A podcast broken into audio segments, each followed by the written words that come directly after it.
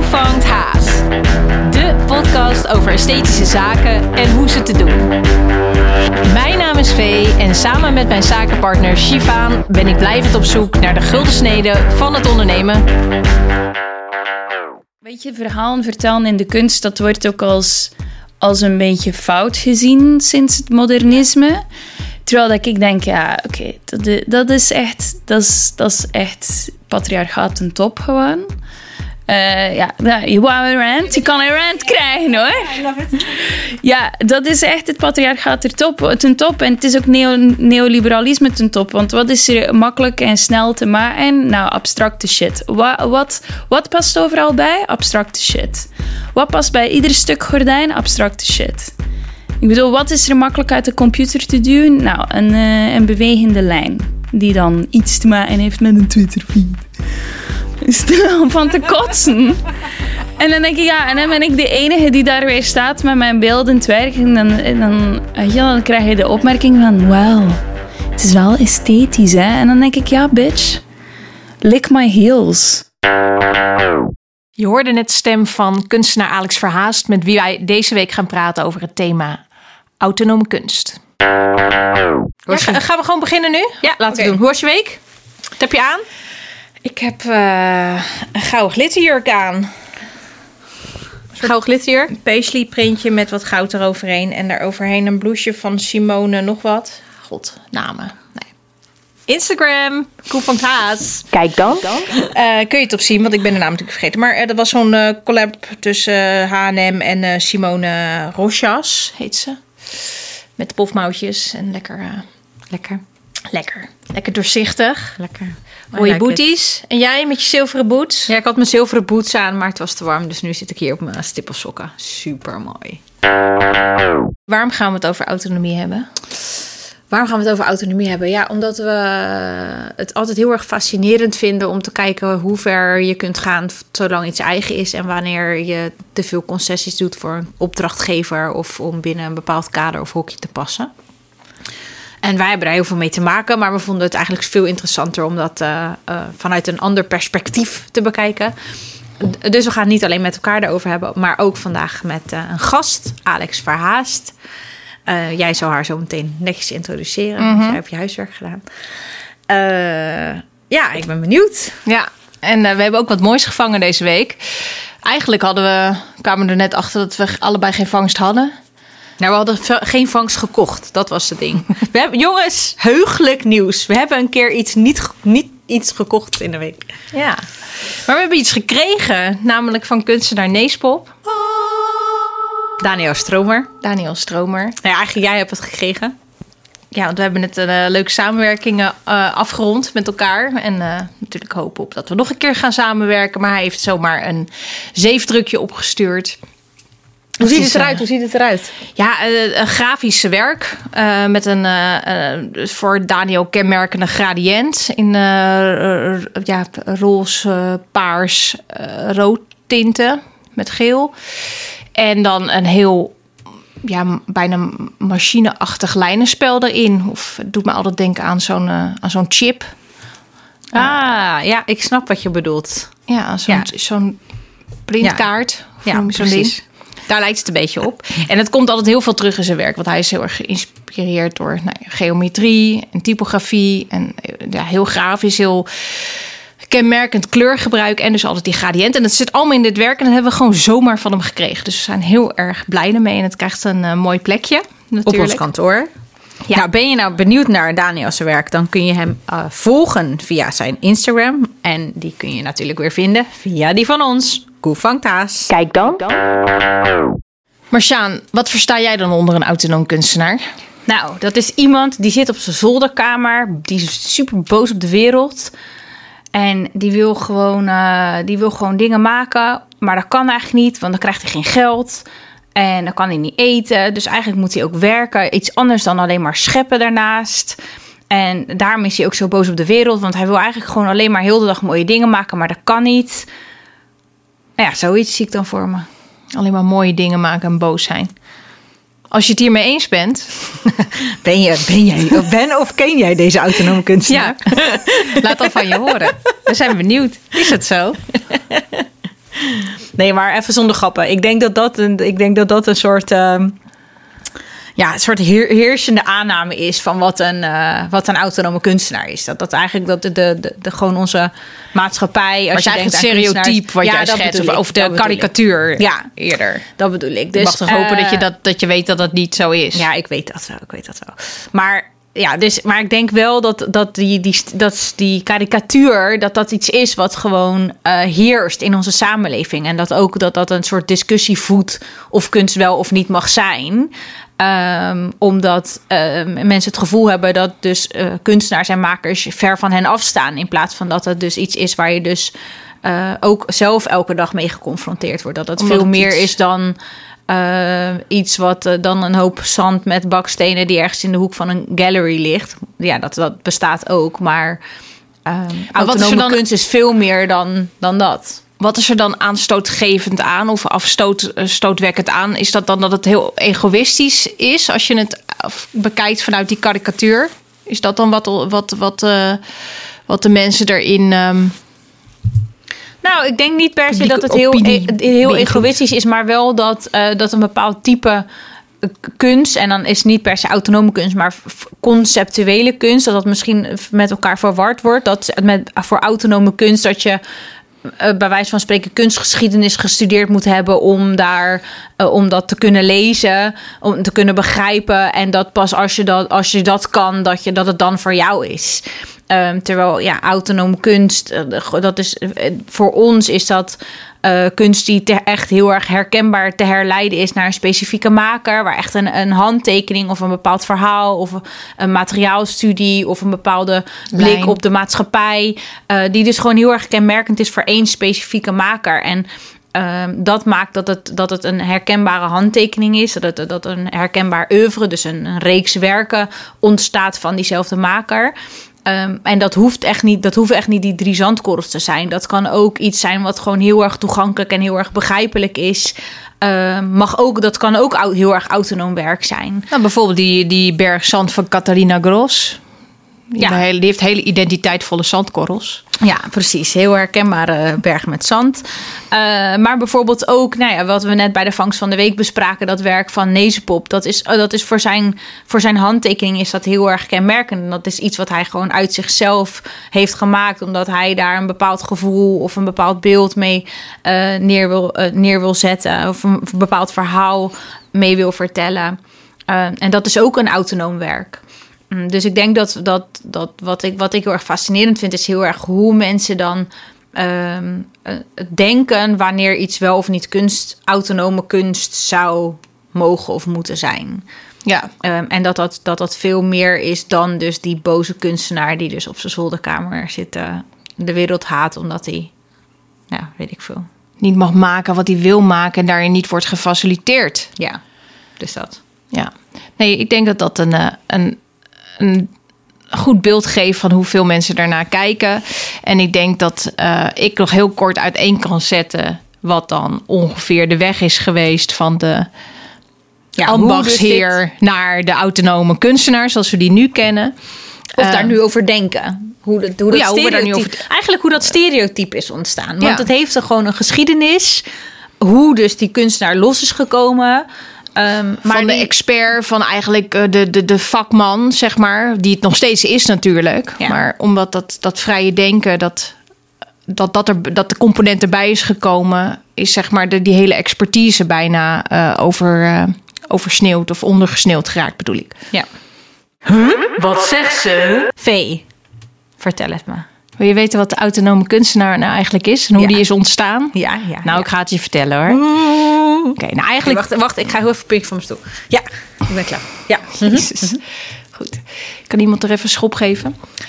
Eigenlijk tot de 19e eeuw was de kunstenaar een ambachtsman. Een ambacht die je van vader op zoon kreeg doorgegeven. Er zat natuurlijk geen vrouw tussen.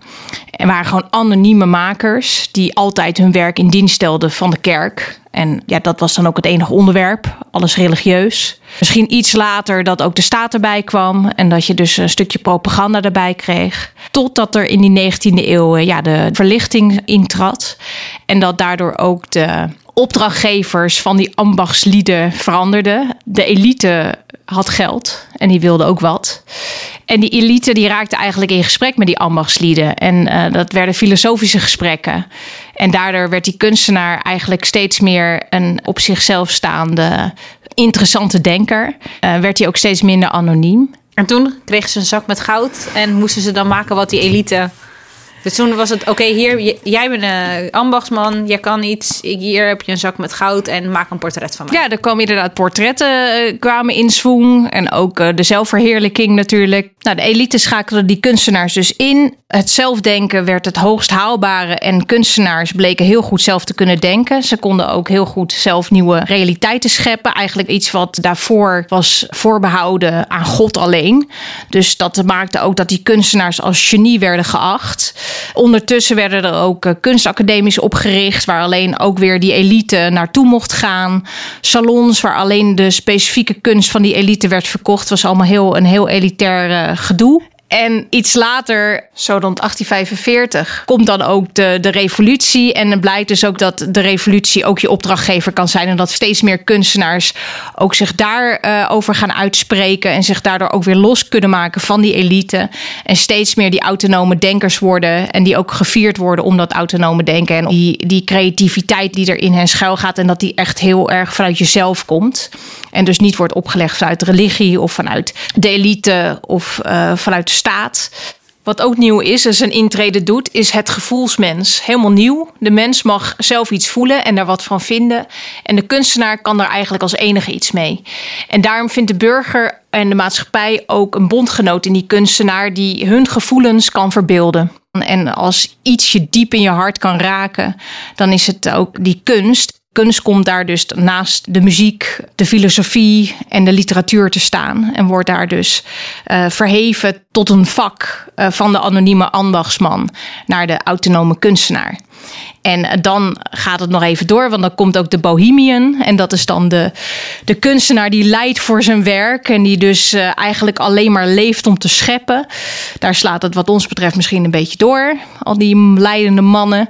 Dat waren er natuurlijk bijna allemaal, of in ieder geval in de overlevering. En daar houden we dus nu ook het beeld over van de autonome kunstenaar die gewoon niet kan stoppen met scheppen en moet leiden voor de kunst. En kunst om de kunst, want kunst moet zijn. Uh, ja, zo zijn we daar aangeland. Wat zegt ze? Even de kleine voetnoot. Dit is wel een eenzijdig beeld vanuit de Europese kunstgeschiedenis gezien. Vandaag in de studio Alex Verhaast, kunstenaar, opererend op het snijvlak van film, video-installatie, uh, schilderkunst ook. En uh, heel veel interactiviteit in jouw werk. Me uh, melancholieke sfeer vind ik, met een beetje onheimisch kartelrandje. Veel in sepia tinten, zacht licht, heel spannend. Grijp je altijd erg bij de lurven. Verliefd op jouw werk. En je bent ook wel uh, een vrouw om verliefd op te worden. Oh, lief hoor. Vandaag willen we al uh, van jou het uh, hemd van het lijf vragen omtrent autonomie en wat het voor jou betekent. Spannend. Dus bedankt dat je bij ons in de studio bent. Met plezier. Ja, dat denk je nu. Wacht maar. en Wolf, Wolf is er ook. de roast ja, Wolf is er ook, ja. Wolf ja. is de hond van Alex. Alex, wie ben je? Wat doe je? Nou, ik ben dus Alex en ik maak blijkbaar heel onheimelijk werk. Daar ben ik het ook wel mee eens hoor. Ik maak uh, zoiets dat tussen film en videogame zit of zo. Um, want ik was als kind nogal geobsedeerd door films en ik heb heel veel Nintendo gespeeld. En toen dacht ik, nou die twee, daar moet er vast wel iets van kunnen komen. Dus voilà, dat doe ik. Dus voilà, maar dat Umheimlich is niet echt uh, Nintendo-stijl, zeg Nee. maar. Uh, dus ja, wat, waaraan herkennen we je werk? Wanneer is iets een echte Alex? Oh jee, Nou, dat weet ik eigenlijk niet zo goed.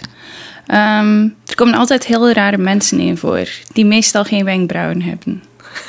Ja, vervormde ogen. Heel... Vervormde ogen. Ja, ik weet niet, ik heb zo een beetje een obsessie voor de esthetiek van de middeleeuwen. En van de, van de mooie schilderkunst van de Lage Landen. En ik denk dat je die referentie heel erg goed ziet Ja. in mijn werk altijd. Ja, absoluut. Maar dat maakt het ook gewoon best wel een beetje engig. Terwijl dat werk, Ja. als je dat in een museum ziet, ga ik, heb ik niet gelijk een heel... eh, eh, dat onheimliche, om, onheimlich, hoe zeggen jullie dat? Gevoel. Onheimlich. Weet ik niet, ja. Heb jij denk- dat wel als je dat ziet? Heeft dat bij jou gelijk een... eh, Nee, nee, absoluut niet. Nee, zeker niet. Maar ik denk dat, dat, ik denk dat eigenlijk het onheimliche in mijn werk komt er een beetje vandaan dat het er heel contemporain uitziet. Maar dan met een esthetiek die eigenlijk niet meer past bij deze tijd. En dan denk je, oh, wat raar. En dan, dat is zo, het is, het is zo alledaags, de dingen waar ik over vertel. En dan heb je die absurde esthetische saus daarover. En dat, dat wijst zo'n heel dik, vet, zwetend vingertje naar... hey, kijk eens hoe absurd elke dag is. Oké, dus eigenlijk be- be- bevraag je dan de dagelijkse status quo door daar op een andere manier, mensen op een andere manier daarnaar te laten kijken. ja, ja. Ja, ik weet nog dat ik in aanraking kwam met je werk. is misschien wel een leuk verhaal. Via een gemeenschappelijke eh, eh, kennis, vriend. Eh, hij vertelde dus dat, eh, dat, jij- dat, dat jouw werk... eh, hij zei van ja, dat is heel bijzonder. En zij zou graag ook een keer een groot project willen doen. En eh, ik Oh. was toen de tijd bezig met de markthal in Rotterdam. Juist, Het ja. plafond daarvan. Ja, En jij belde om gewoon te zeggen... Nou, ik wil ook eigenlijk ook wel zo'n project. ja. Zo ja. was het ongeveer, toch? Het was, ja, het was gewoon Dustin die toonde mij dat Marthal project. En dacht ik, wow, vet jongen. Oh, zo gaaf. En dan zag ik al helemaal zo... Oh jongens, wat zou ik er allemaal wel niet mee doen, weet je wel. Toen dacht ik, nou, even de Belgitude aan de kant zetten... en even mijn Nederlandse tanden insteken en gewoon hopbellen. Ja, ik dacht, het is ook gewoon leuk, want het is gewoon een vrouw. En dan, weet je wel, dan... Het is gewoon even gewoon eh meidentalk van... eh yo, ik wil dit ook. Yo, cool. ik besta. Ja, yo, ik besta- onder elkaar. Ja.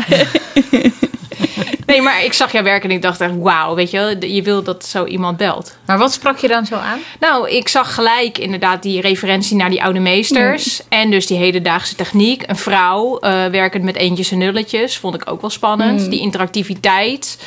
Eh, ja, dat narratieve, dit hele, ook dat, dat het heel veel aan de verbeelding over wordt gelaten. De- Wat gebeurt er nou eigenlijk? Maar toch is het heel spannend. Dus eh, het gewoon, maar heel soort die vervreemding en die spanning. Dat vond ik er heel sterk aan. Maar we hebben het over film en interactiviteit. Nou, dit is natuurlijk een podcast. Wij hebben, kennen je werk, dus we hebben een beeld erbij. Eh, maar hoe werkt het dan, film en interactiviteit? Nou, dit is best nog iets waar ik dus naar op zoek ben... om dat iedere keer weer op een goede manier te doen of zo. En dat is helemaal niet zo voor de hand liggend. Ehm, omdat je met interactiviteit een soort van andere tijdslijn introduceert. Maar zeg maar, om een heel praktisch voorbeeld te geven...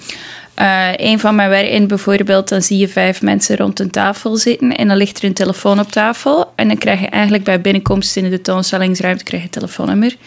En dan bel je daarnaar en gaat die telefoon af in dat werk. En dan duwt er iemand die telefoon af en dan hebben ze zo'n gesprekje onder elkaar. En dan is er één eh, personage. Oh, ik zeg vijf, maar het zijn er natuurlijk negen. Anyway, grapje. Ehm Eén van die personages die stuurt dan een sms'je en dan de laatste persoon die gebeld heeft, die krijgt een sms'je en dan kan je in gesprek gaan met dat personage over ja, wat is er hier nu eigenlijk echt wel aan de hand. Dus het zijn best, technisch zijn heel simpele dingen of zo, die ook al jaren bestaan, die ook niet zo innovatief zijn per se. Maar ehm, ja, nee, ik vind het wel heel erg leuk om dat in een verhaallijn te, te gebruiken en te introduceren. Ja, de combinatie spannend. maakt ook dat het denk ik eh, heel goed werkt. Ja. Want het is inderdaad heel intuïtief en ook wel heel hufteproef dus is Ja. de techniek. Maar Ja. het is heel, wel met impact dat je denkt, wow, wat kan ik hier nou doen? Wat gebeurt er hier nu? Ja. En nou, je bent sinds een aantal jaar nu ook filmmaker. Ja. Omschrijf je jezelf al zo, ja toch? Ja. Ja. En hoe ben je van eh, nou ja, eh, de interactieve video-installaties gekomen naar de, naar de filmwereld?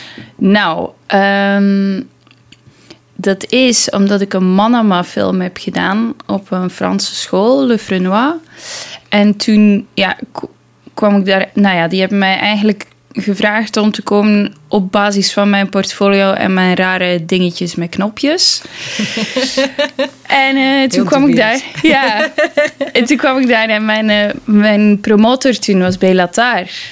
En die zei, uh, the digital shit, leave it behind, bla bla bla. Ondertussen doe ik gewoon de twee hoor en doe ik gewoon lekker wat ik wil. Maar hij heeft mij wel overtuigd om ook een keer klassieke film te proberen te maken.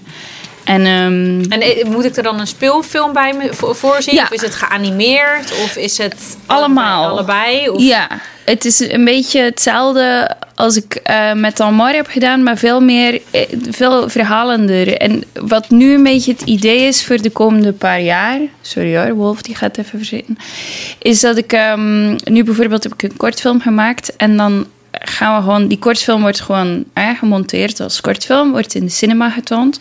Maar tijdens de opnames hebben we ook een aantal werken gedaan, ge- ge- opgenomen die dus deel zijn van de verhalenwereld. ehm, die we gaan presenteren in een interactieve installatie. En dan ze, dus als je de hele installatie doorloopt, het is een soort van cinema parcours waar je dus doorloopt. Als je dan de hele installatie hebt doorgelopen en je hebt- alle acties gedaan, dan op het einde, als je dan doet wat dat ik wil dat je doet, dan krijg je de hele film te zien. Wauw, een soort escape room Ja, soort van, ja. ja. met kunst. Ja, en dat wil ik wel meer gaan doen. Want ik denk ook, want ik ben een langspeler aan het schrijven, al Mhm. heel lang. En dan wil ik een beetje hm, hetzelfde doen, denk ik. Oh, wat spannend. En klassificeer je dit werk dan als vrij werk? Of is dit dan toch een soort deels in opdracht? Ehm, ik heb een beetje een hekel aan, aan, het, aan de term vrijwerk. Waarom? Waar- want Wat, daar hebben wat we moet het ik dan over. zeggen? We hebben het over autonomie. Waar is het gesprek. Nee, ik weet het niet. Ik denk dat ik er zo een beetje schurfthekel aan gekregen heb door eh, op heel veel kunstscholen te zitten, weet je wel. En daar heeft vrijwerk zo'n soort van bijklankje van ja, nu mag je even freewheelen en doen wat je wil of zo. En dan denk ik, ja, ik doe gewoon altijd wat ik wil. Punt. Oké, dus voor jou is er geen onderscheid tussen iets wat je helemaal voor jezelf maakt of iets waar... Nou, jawel, tuurlijk. Ja, je moet gewoon, als je iets in opdracht maakt, dan zit je met een, je zit met een deadline en je zit met eh, bepaalde richtlijnen die je moet aanhouden. En dat is soms ook heel erg bevrijdend hoor, want als je de hele tijd uit je eigen reet moet erin, dan. eh oef, dat is best wel, dat is best wel heftig. Ja, exact. Ehm, en dan ja, zit je ook met een deadline meestal, dus dan moet je pragmatisch zijn en soms echt heel. Ik bedoel, dat was nu met de opdracht met jullie, dan viel het uiteindelijk wel mee, maar het is ook wel lastig om dan zo iets heel groot in een heel kort, voor mij heel kort tijdsbestek te maken. Ja, want even als ondertitel. We zijn ondertussen zoveel jaar later na dat gesprek... eh, tijdens Ja. het Markthal-project zijn we bezig met, een, eh, met de, de, toren voor Alex. Nou, de toren die wij eh, maken met, eh, met. Alex heeft een toren Art leven Leeftijd. getrokken. Alex Verhaas. ja. Dat is natuurlijk fantastisch. Wel een beetje een soort vreemde eend eh, eh, in jouw oeuvre. Maar ja, Ja. goed, jij wilde zo graag zo'n groot ding maken. Dus Ja. eh, Ja. hier zijn we weer. Ja. Ehm, eh, hoe, eh, hoe, ver- hoe verhoudt die toren zich eigenlijk tot je, tot je oeuvre? Wat, hoe presenteer je die straks? Heeft hij dan... Nou, ik weet niet. Ik denk wel dat hij in de zin van. Het is een kunstwerk, maar het is een informatiehouder. En hij vertelt ook wel een verhaal of zo. Hetgeen wat dat erin Ja. zit. En ik denk dat die combinatie was ik heel blij over. Dat ik dacht, dit is en heel aangenaam om naar te kijken.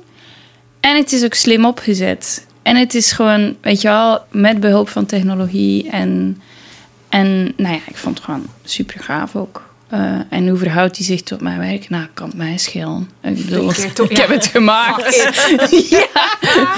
Ja, precies. Beetje opportunisme is nooit, eh, is nooit erg. Nee, maar dus je, je maakt dus niet, je maakt geen onderscheid tussen zeg maar vrij werk en ander. Gewoon al je werk is gewoon jouw werk. Ja, Maar dus de totstandkoming van het werk, wat je zegt, is als je dus in opdracht werkt, ehm, dan heb je wel beperkingen en, eh, en richtlijnen. Maar tegelijkertijd zeg je ook dat is soms best wel bevrijdend. ja. Eh, dus je hebt, dus als ik je goed begrijp, heb je dus niet het gevoel dat je dan concessies doet op je eigen au- autonomie, omdat je een opdracht moet werken. Ja, doe ik wel natuurlijk. Maar dat is altijd een onderhandeling. En ik bedoel, en bij jullie was dat... Hele stevige onderhandelingen. Nee, dat en Hard vond ik echt hard. heel aangenaam eigenlijk. Ik had wel carte blanche of zo. Ik denk niet dat ik... ehm, onder een stringenter kader zou ik niet functioneren, denk ik. Dat is niks voor mij. Ik ben geen designer. Zou ik graag zijn hoor, maar dat ben ik echt niet. Dat ligt ook echt niet aan mijn persoonlijkheid. Heb je wel zo'n soort opdracht gedaan waarbij het nog strenger ra- stre- randvoorwaardelijk was? Of Nee, niet onder de noemer van Alex Verhaast. Wel, ik bedoel, ik ben natuurlijk allee, mijn carrière zoals iedere kunststudent in de horeca begon. Eh, maar toen, toen ben ik ook gewoon eh, food en packaging fotografie gaan doen. Ja, en dan zit je aan heel dan is de schets bij wijze van spreken uitgetekend en dan moet je technisch uitvoeren. De zogenaamde broodklus eh, versus de portfolioklus. Ja. en dat doe ik al jaren niet meer. En dat vind ik echt een heel geprivilegeerde positie. Eh, ik doe daar, eh, ik bedoel, dat is ook niet. Ik heb daar mijn ellebogen serieus voor uitgestoten en ik werk ook fucking keihard. Maar ehm, ja, dat, dat, dat wil ik echt, daar ga ik echt een beetje intern dood van, van dat soort dingen. Ik weet nog, oh my god, toen was oh, een week, een week voor ik ontslag nam. Er waren twee dingen die echt heel hard in mijn hoofd zijn blijven steken. Een week voor ik ontslag nam, toen ehm, eh, moesten we de verpakking doen van Maggi-puree. Nou, sorry, maar als Belg begrijp ik al ten eerste niet waarom dat je in godsnaam instant puree zou maken. Dat snap ik echt niet. Er is niks simpeler dan... Het is vooral een verdienmodel. Oh. Love it. God, disgusting. Je meent het gewoon. Ik denk dat mijn vader dat ook maakt. Ik vind echt Het was een beetje in de categorie Crocs, Senseo koffie, Maggi blokjes. En dat Nee, daar- maar daar Maggi vaart- blokjes oké. Oh, dit is Lekker. puree. Pu- Ja, Puree. aardappelpuree. Oh, Instant, instant aardappelpuree. een soort astronautenvoer. Ja, Ja, I love it. zo van dat zaagsel waar je dan water bij Gadverdamme. doet. Oké, ja. Oh my god. Ehm, en toen moesten we die verpakking doen. En toen, eh, toen, toen was het eh, puree met erwtjes. En toen, nou, en toen ging die, die, die klant, die staat er dan bij. En die ging zo gaan. Nou, nou lijkt het wel eh, een Mickey Mouse gezichtje in de... Nou is het een vierkantje. Nou is het een driehoekje. En ik dacht. Oh my fucking god, die now. het was ook warm en ik zat dagen in die donkere studio. Ik dacht echt, oh, echt, ik, ik kan dit niet meer aan gewoon. Ik kan het niet meer aan. Ik wil geen enkele ert niet meer verplaatsen in die kutpuree. Maar wel knap dat ze het eh, is blijven zeggen. Want ik heb jouw Fury ook wel eens van dichtbij gezien. Eh, dat heb je dan knap weten te verbloemen met dat... eh, misschien dat je een beetje zo'n pakje over je hoofd heen gestrooid. met, eh, Ja, sorry voor Ik ben mijn er niet. furie van dichtbij. Die komt er ook niet zoveel uit. Ik denk ook dat het gewoon lockdown was en whatever. Meestal dan hou ik me zo in, maar dan valt het wel van mijn gezicht te lezen wat dat er aan de hand is. Nou ja, daarom. eh, Ik ben wel vaak naar de wc jou, gegaan, Het is, dus. niet, het, ik, ik, het is wel eens lastig eh, in, in onze rol om eh, ja, dan te lezen wat iemand ervan vindt. zeg Ja. maar. En wat dan ehm, eventueel nog nazorg is. Of eh, hè, van, oeh, dit moeten we nog eventjes verder inmasseren of bespreken naar een vervelend gesprek. Of naar, maar jij, eh, nou ja, sowieso eh, zeg je gewoon ter plekke wat er aan de hand is. Ja, meestal, meestal komt het er ook uit niet in een furie. Want nu heb ik weer een film gedraaid en ik probeer wel, en dat is ook iets dat de opzet ga ik ook nooit uit mijn kram schieten of zo. Je doet gewoon je werk, weet je wel. Maar ja, sorry, Faye. Nee, nee, ik, ja, ik hou ervan. Ik bedoel, je kent mij ook. Dus Ja. eh, dat, en ik denk ook dat we... heeft nooit furie, jongen. nooit. Zen zelf zit hier Ja, naast dat me. ben ik. Nee, maar dat, eh, ik, ik, hou, ik hou er ontzettend van als eh, iemand heel uitgesproken is en ehm, nou, gewoon eh, assertief en duidelijk, duidelijk is of, eh, over grenzen. Ja. nou, ja, dat maakt het de wereld een stuk simpeler. Waar Zo, andere ja. zaken soms veel complexer zijn. Dat je denkt, oh, niet dan ook nog. ehm, Ja, van die contraiers, daar kan ik ook niet tegen, hè. Ik echt niet weten. nee, dus wat dat betreft, eh, ja, was het, is het, de toren is bijna klaar, maar is het gewoon echt een fijne samenwerking. Ja.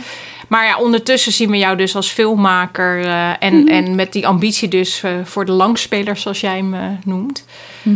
Mooie woorden hebben ze toch. eh, In België. Ja, en hoe komt dan zo'n zo'n zo'n film tot stand? Wie betaalt, wie betaalt de rekening? Goh, Zo jongen, goede vraag. Dat is echt altijd, dat is zo'n gedoe. En dat kost ook zoveel geld. Dat wil je niet weten. Dat is echt belachelijk. Als je dat budget ziet, dan denk je, nou, een lekker appartement, weet je wel. Nee, film. Ja. Oh. Ehm, nee, dat is altijd een heel ding. Nu met de kortfilm was het, eh, was het wel een soort van een beetje een opdracht. In de zin, het was Belatar, die had dus een ehm, soort van curatorieel ding bij Locarno Film Festival, waarbij dit die allemaal filmmakers uitnodigde om te laten zien wat dat er bij hun in de wereld aan de hand was. En misschien kun je ook nog even toelichten wie Bill Attar is. want, Oh, eh, Belatar is super cool. Het is een Hongaarse filmmaker. Ehm, dat is een beetje. Als je kunstmensen vraagt wat als een goede film vinden, dan komt zijn naam meestal wel op een lijstje terecht. Hij heeft hele mooie films gemaakt. Werkmeister Harmonies is er één van. Hij heeft een zeven uur durende film gemaakt, Chartan Tango. Die, nou ja, die gewoon prachtig is. Dat kan je ook echt zeven uur volhouden. Hij zegt jou eh, ook een beetje een, nou ja, eh, ik wou zeggen roerganger, maar wel... Hij is mijn, hij is mijn ehm, cinemavader of zoiets. Ik weet het niet. Het is een heel, heel Noorse, Noorse Hongaar. Maar ja, ik weet het niet. Wij kunnen het gewoon heel erg goed vinden. Ook iemand die gewoon recht voor de raap is en die gewoon... En ik had meteen zo een klik met hem als student. En hij blijft gewoon... Hij blijft mij gewoon bellen ook iedere twee weken of zo. Hij voedt jou ook. Of Ja, ja. Het is Oh, heel... eh, Letterlijk en heel figuurlijk, begaan. want je kreeg dus deze opdracht van hem. Ja, maar bon, dan krijg ik geen eten van hem. Want dan, eh, nou ja, dan krijg je zo'n... kijk, eh, nodig die me uit en dan kreeg ik zo die lijst te zien. Nou, er staan er echt hele grote filmmakers tussen. En dan de deze ook. En dat is echt, dat is echt belachelijk. Ehm, maar dus, dan kreeg je dat documentje. En dan, ja, Locarno Filmfestival wou dan die dependance organiseren. Maar ja, COVID, ja, ging niet door. Eh, maar des te beter, want toen hadden we ook langer tijd om de, om de financiering ervan te regelen. Dus toen zijn we naar het Belgisch Filmfonds gegaan. Heb ik een co-productie gestart met Frankrijk. En dan omdat het en een film is en als installatie wordt gepresenteerd, kan je bij het Filmfonds aanvragen. Heb ik bij de Fédération Wallonia-Bruxelles heb ik ook een deeltje geld gekregen. Bij eh, het CNC, dat is het Franse Filmfonds. Die hebben een fonds, DICREAM. Dat gaat specifiek over experimentele vorm. Daar hebben we een beetje geld van gekregen. Dat heb jij allemaal bij elkaar gehosseld. Ja, maar samen met een producent. Hè? Dat, Mhm. dat, dat is niet alleen ik natuurlijk. Ehm, maar Maar dat ja, is al een hele reis. fulltime job.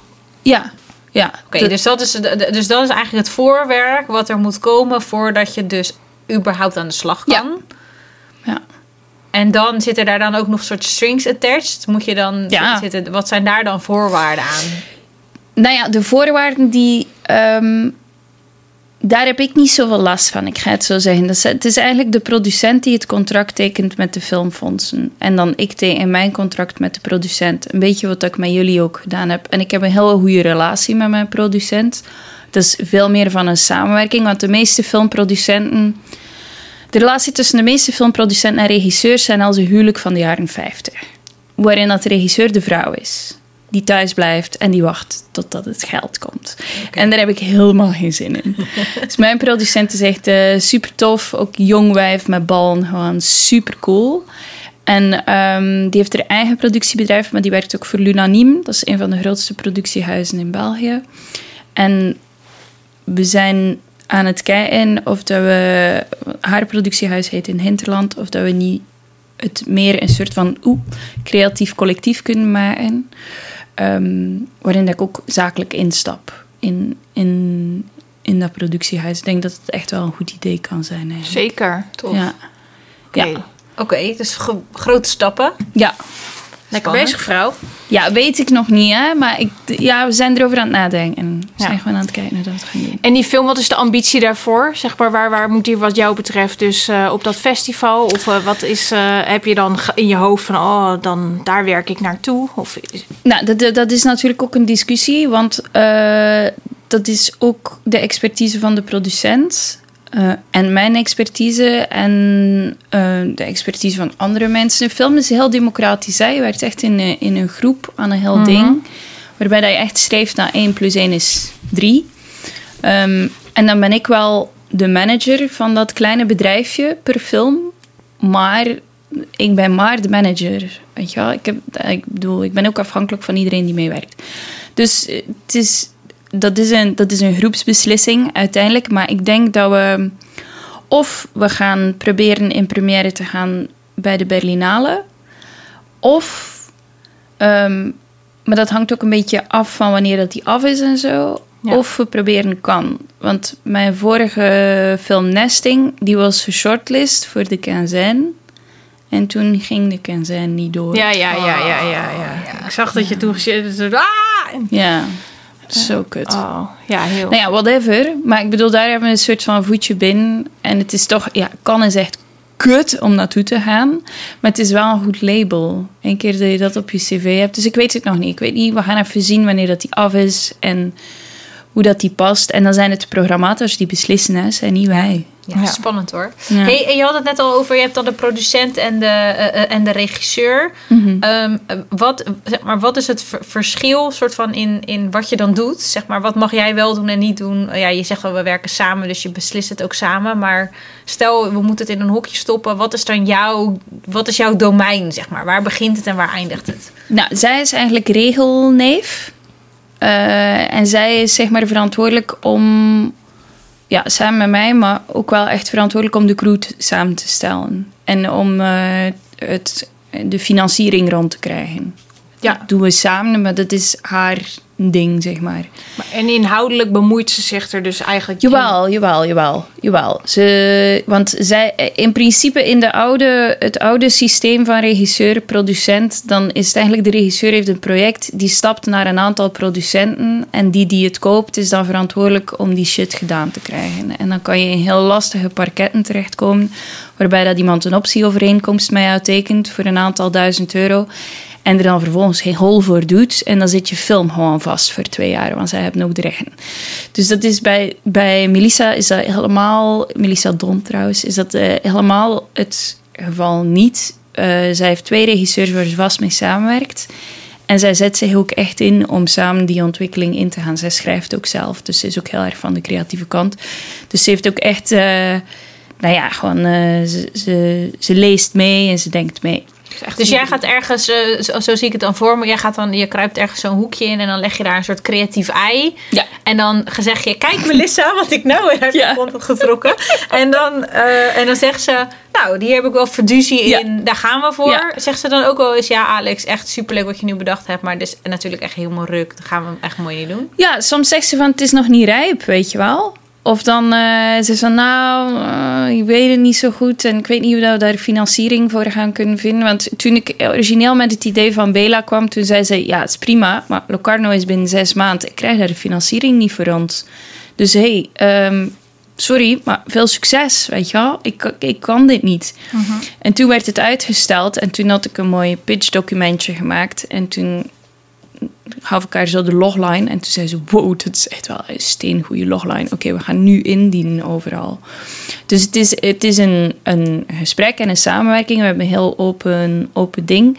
Maar zij moet natuurlijk haar eigen toko beschermen. Het moment dat ze zich aan verbindt, dan wil ze wel dat het gewoon gedaan geraakt.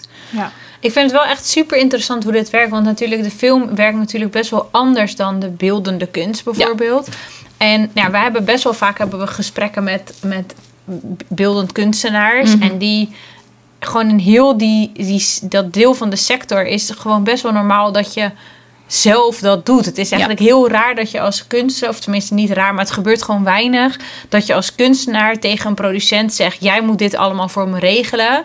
En dat je daar een soort vast samenwerkingsverband hebt om gewoon dus zo'n zo'n idee te kunnen laten rijpen en ook daadwerkelijk Het gebeurt daar wel meer en meer hoor. voor te vinden. ja, het gebeurt ook wel meer en meer, maar het is inderdaad... eh, eh, ja, Ja, het is toch nog wel vaak dan de kunstenaar die dat dan zelf probeert Ja. te regelen en daar dan eigenlijk niet heel erg goed in is, omdat zijn kracht ergens anders ligt. Ja. Of ehm, ja. Maar ook Dat- omdat je die rollen gewoon echt moet verdelen, denk ik. Want ik kan best wel een beetje productie draaien en niet zoals Melissa natuurlijk, maar ik kan best wel voor iemand anders denken van oké, dan hebben we zoveel nodig en dan ga ik die erop zetten en ik beding korting daarbij en we regelen sponsoring en da da da da. Maar voor je eigen ding, ja, dat is een kindje.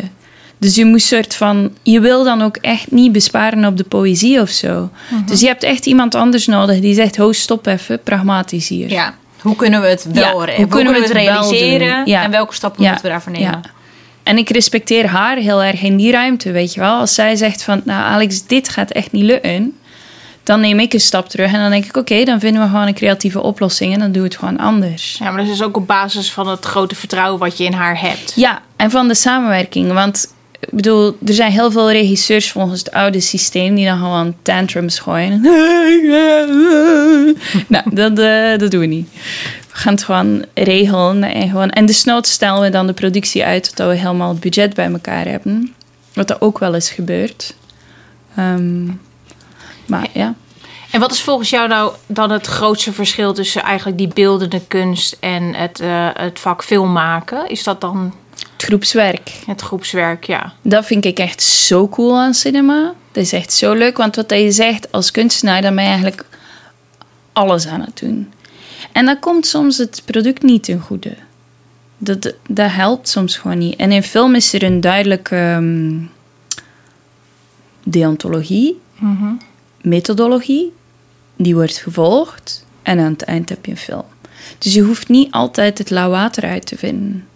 Dat is heel aangenaam. Ja, dat heel fijn. Ja, kan ik me voorstellen. Ja, en ook, het geeft ook ruimte om dus creatief, dus door de expertise van, zeg maar, in het proces, Ja. tijdens de, door de expertise van andere mensen geïnspireerd en verrast te worden, kan ik me voorstellen. Ja, absoluut. Ja, want nu bijvoorbeeld met fellowship heb ik samengewerkt met een DOP waar ik nog niet mee samengewerkt had. Dus een director of photography. En die, ja, die is geniaal. Eh, Hans Broeg. Die is echt heel leuk. Die doet ook heel veel voor eh, kunstprojecten. Het is een heel goede DOP. Een beetje ADHD, warrig in zijn hoofd, maar echt geweldig. Die heeft gewoon 300 goede ideeën per dag. ja, dat is echt leuk. Ja. Ik bedoel, ik had nooit zo'n film kunnen maken zonder hem. En dan is er nog uiteraard de grootste laag, is je cast. Want als je denkt dat je zomaar iedere acteur op iedere plek kan zetten, is niet waar. Je, je moet echt, of je cast mensen naar je verhaal toe. Hetgeen wat ik eigenlijk het liefste doe, is mijn verhaal schrijven naar de mensen toe. En Dus dan weet je eigenlijk van tevoren al met wie je wil werken voor een film. Niet per se. Ik weet meestal wel een aantal mensen die ik er... En dan hangt het ook allemaal af van iedereen zijn agenda. Maar de scenario's die ik schrijf... Kijk, je hebt, je hebt regisseurs die heel tekstvast schrijven. Ik heb er echt scheid aan. Het moment dat we op set staan, dan gaan we hetzelfde verhaal gaan vertellen. Maar dan... Ik bedoel, ik heb er dan niet zoveel controle over. Dan gaat het echt over, oké, wie zijn de acteurs? Wat hebben zij in hun leven meegemaakt? Waar kunnen we een kapstok vinden in hun eigen leven dat, die hiermee correspondeert? En hoe resulteert dat in een, in een verhaal? Dus eigenlijk is hoe zo'n verhaal, ondanks dat je dat wel een deel script, is dat al een soort experiment waar je Ja. dus wat er gebeurt. Dus je bent eigenlijk gewoon vanaf de kern van hoe je werkt al gewend om een deel dus van die autonomie Ja, uit handen te Ja. geven. Omdat je dus ook een deel aan toeval Ja. over durft te laten. ja, ja, absoluut. Het gaat echt over vertrouwen op een set. En dat is nu echt, met deze opnames is dat ook zo goed gelukt, joh. Dat was echt de max. Ja, heel gaaf. Ik ben echt super benieuwd. Ja. af en toe zien we een paar hints op je Instagram. We zullen natuurlijk in de show notes verwijzen naar, eh, naar werk wat je hebt gemaakt. En eh, ook waar eh, iedereen je op de voet kan volgen in dit traject. Spannend. Of de tipjes van de sluier die je ligt. hey, wat is je als kunstenaar, wat is de, je nalatenschap? W- wanneer, welke stappen heb je nog te zetten? wanneer ben je af? Jezus, wat vraag je me nou? Ja, dan moest ik aan Vee vragen. Ik wilde hem net gaan stellen. Nou, ik weet niet. Ik heb wel... Ik, ik heb nu dus zo echt beslist van... Oké, cinema is mijn ding. Ehm, en dan die interactieve installaties zijn ook mijn ding. En ik heb nu ook door jullie, de drie podcasts geleden... hadden jullie het over format of zoiets. En toen dacht ik in de context van die ehm, installatie in Japan... waar jij naartoe bent geweest... Ja, Teamlab. Ja, Eh, Teamlab. En toen was ik er over aan het nalezen. En toen dacht ik, hmm, eigenlijk moet ik gewoon mijn werk of de vorm dat het heeft, wat meer van een format geven. En Ehm, dat kwam doordat je onze podcast... eh, ja, ja. ook en gewoon door de samenwerking en door whatever, door gewoon over na te denken. is gezeten. Ja, voilà. Vee gaat met pensioen, jongens. Vanaf eh, vol- volgende keer is het de podcast. Ja, natuurlijk door Teamlab, maar wat tof. Wat een goed idee. Ja, dus ik dacht, eh, nou ja, toen, toen dacht ik, nou, het zou echt wel heel erg gaaf zijn als ik uiteindelijk, als er uiteindelijk ergens een heel grote tentoonstelling zou zijn van al mijn werk en dat je gewoon in iedere kamer, iedere kamer is een film. Ja. Ja, en dus een film met ook een soort ruimtelijke interactieve component Ja, aan. ja, maar dat gewoon iedere ruimte is een verhaallijn. Oh, en dat je dan jou. ineens snapt van, oh ja, dat, dat doet Alex. Ja. Oké, dus daar ben je nu naartoe aan het bouwen. Ja, dus dat is dus ook wat de, eigenlijk de volgende vraag zou zijn: de zak met goud. Maar dan is dat. eh, oh my god, dan wil ik echt die langspeler uh, gaan, maar het zal veel goud moeten zijn hoor. Waar hebben we het dan over? Een miljoen? Of is het ondertussen moet je dan nog 10 Het zal meer zijn, Ja. denk ik. Dat zijn echt... Jongen, je wil niet weten, in, in de filmwereld, die budgetten... En dan denk je, what the fuck, hoe kan dat nu dat dat zoveel geld kost? Maar dan zie je dat er effectief 20 man een halve maand aan bezig is. En dan denk je, oh ja, daarom. Ja. Ja, Gewoon echt manuren gewoon. ja. Ja. ja. En heb je daar ook al eh, het verhaal al voor Ja. in je hoofd? Of al papier? Of al aan eh, Mhm. eh, de producenten? Ja? Kan je daar... nee, daar kan je zeker nog niks over zeggen dan. Nou, weet je, ik ben ook nog altijd op zoek naar een soort van logline die stikt. Meestal heb ik die pas helemaal in mijn hoofd als het verhaal helemaal af is. Maar het wordt wel heel cool. Logline is een soort de elevator pitch van ja, je een soort van script. twee zinnen waarvan dat je denkt, oh en die ja. voor waar je, die je net hebt geschoten, wat is daar de loglijn van? Er probeert zich een zesde bij vijf vrienden te voegen. En zij moeten zich afvragen waarom ze überhaupt een groep zijn. Holy shit. Goed hè? Ja, Dat kipvel. vind ik ook. Wat wij best wel vaak ehm, meemaken, is dat we heel snel gearchiveerd worden. Dus als we vertellen wat we doen, denken ze, oh ja, zij maken kunst. En dan, eh, dan kan je het gelijk niet meer over andere dingen hebben. Kunstmeisjes. Ja. Ehm, en wat ik me dus afvraag is, overkomt je dat ook? Want je bent, Ja. ja. je bent bezig met, met een soort binnen een onontgonnen gebied van film maken. Waarvan ik me best wel voor kan voorstellen dat er veel aannames zijn over wat je gaat maken. Dat je heel vaak jezelf uit moet leggen. Als wat word je dan gearchiveerd? Wat is een soort van de meeste. Grootste ergernis. Nou, de grootste ergernis gaat vooral over het digitale aspect van mijn werk. Dat is echt, want dan als vrouw is dat echt in de nieuwe mediakunst, jongen.